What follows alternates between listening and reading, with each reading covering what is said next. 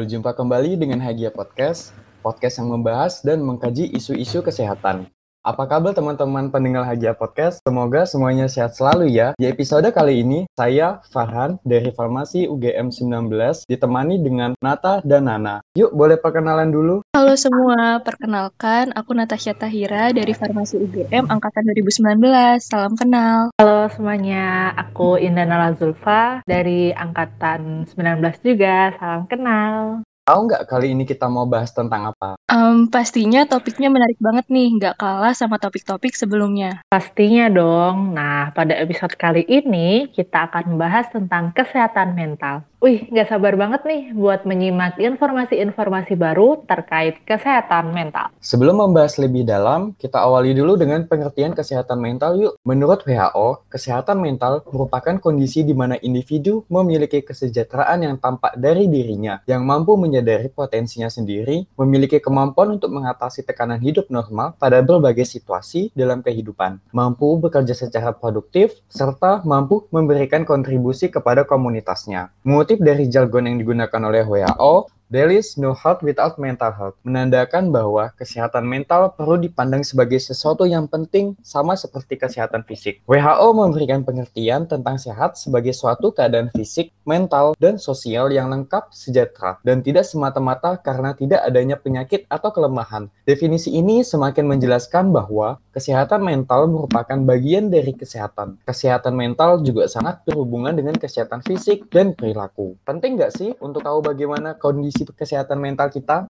Jelas, penting banget dong. Sebelum kita menjaga kesehatan mental yang kita miliki, kita harus mengenali terlebih dahulu apakah kesehatan mental kita baik atau buruk. Mengenali kesehatan mental yang kita miliki merupakan bentuk kepedulian terhadap diri, atau bisa disebut juga sebagai self-awareness, yang merupakan kesadaran diri untuk memperhatikan diri kita sendiri. Salah satu bentuk dari self-awareness adalah dengan mengenali bagaimana kesehatan mental kita. Dengan begitu, kita akan lebih mudah untuk memahami dan mengontrol diri. Self-awareness ini penting banget karena jika kita sedang dalam kondisi stres dan dibiarkan perasaan sedih atau emosi kita berlarut-larut, maka dapat menyebabkan aktivitas sehari-hari kita menjadi terganggu dan akhirnya kinerja kita menurun. Oleh karena itu, kita harus mengenali kesehatan mental yang kita miliki. Dengan begitu, kita akan mengenali diri kita sendiri dengan baik, apa saja yang menjadi penyebab akan gejala-gejala yang timbul jika ada sikap yang berbeda dengan sikap sehari-hari. Nah, setelah kita mengenali kesehatan mental yang kita miliki, selanjutnya kita dapat menjaga kesehatan mental kita.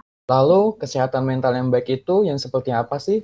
Nah, jadi gini Han, kesehatan mental yang baik merupakan kondisi ketika batin kita berada dalam keadaan tentram dan tenang, sehingga memungkinkan kita untuk menikmati kehidupan sehari-hari dan menghargai orang lain di sekitar. Seseorang yang bermental sehat dapat menggunakan kemampuan atau potensi dirinya secara maksimal loh, dalam menghadapi tantangan hidup serta menjalin hubungan positif dengan orang lain. Sebaliknya, orang yang kesehatan mentalnya terganggu akan mengalami gangguan suasana hati, kemampuan berpikir, serta kendali emosi yang pada akhirnya bisa mengarah pada perilaku buruk. Penyakit mental juga dapat menyebabkan masalah dalam kehidupan sehari-hari loh. Tidak hanya dapat merusak interaksi atau hubungan dengan orang lain saja, namun juga dapat menurunkan prestasi di sekolah dan produktivitas kerja.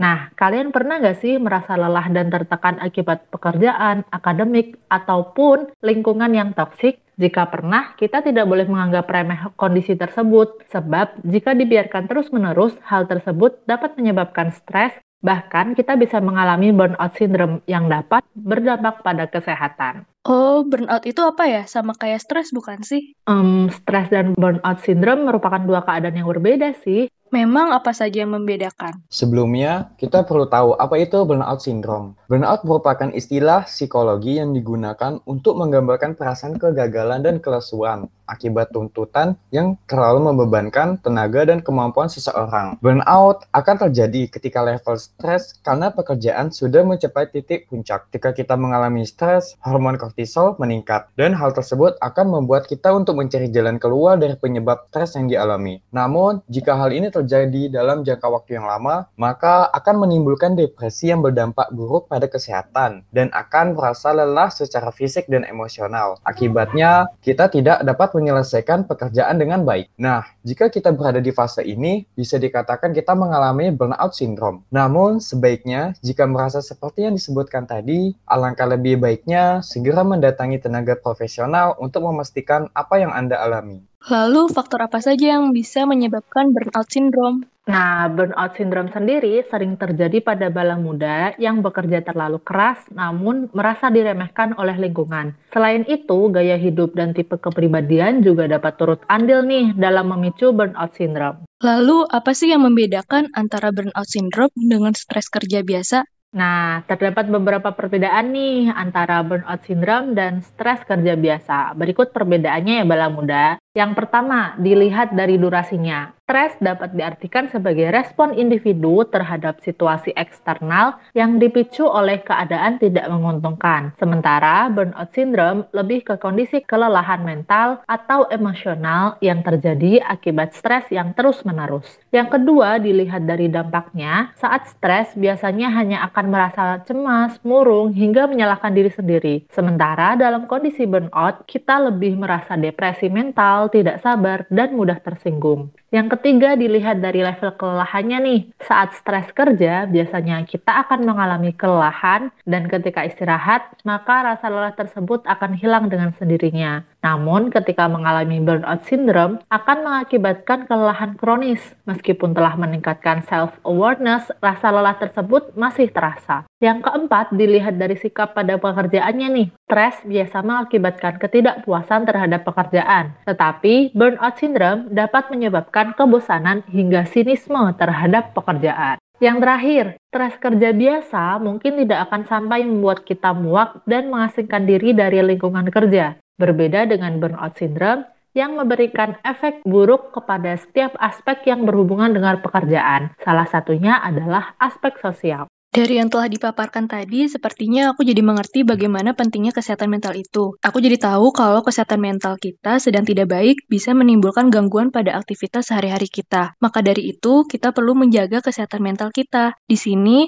kita juga mau berbagi bagaimana cara menjaga kesehatan mental. Yuk bisa disimak dan dicoba ya. Yang pertama, hargai dirimu sendiri. Untuk menjaga kesehatan mental, kamu bisa mulai dengan menghargai dirimu sendiri terlebih dahulu. Mulai sekarang, biasakanlah untuk memperlakukan dan melihat diri sendiri dengan positif. Lakukan hal-hal yang bisa membuatmu bahagia, misalnya dengan meluangkan waktu untuk hobi dan me time. Bersyukur atas hal-hal yang terjadi dalam hidupmu juga bisa membantumu untuk menghargai diri sendiri. Sebaliknya, hindari terlalu banyak menyalahkan diri sendiri dan membandingkan dirimu dengan orang lain ya. Yang kedua, kelola stres dengan baik. Suka atau tidak, stres adalah bagian dari kehidupan kita sehari-hari, sehingga hal ini hampir tidak mungkin untuk dihindari. Kendati demikian, kamu bisa belajar untuk mengelola stres dengan baik. Cara yang bisa kamu lakukan untuk mengelola stres antara lain dengan berjalan santai di luar ruangan, menonton film, mendengarkan lagu, dan menulis kegiatan sehari-hari di buku harian atau bisa disebut juga journaling. Cara-cara tersebut bisa membuat pikiranmu lebih tenang dan kamu bisa melihat hidup dengan lebih positif. Dengan begitu, stres yang kamu alami juga bisa mereda. Yang ketiga, peliharalah hubungan baik dengan orang lain. Orang dengan hubungan sosial yang baik terbukti lebih mampu mengatasi stres dan memelihara kesehatan fisik maupun mentalnya. Inilah alasan mengapa kamu perlu meluangkan waktu bersama dengan orang-orang terdekat, seperti keluarga dan sahabat. Selain memelihara hubungan dengan orang-orang terdekat, kamu juga juga bisa coba mengikuti berbagai kegiatan baru agar kamu memiliki kesempatan untuk bertemu dengan orang-orang baru.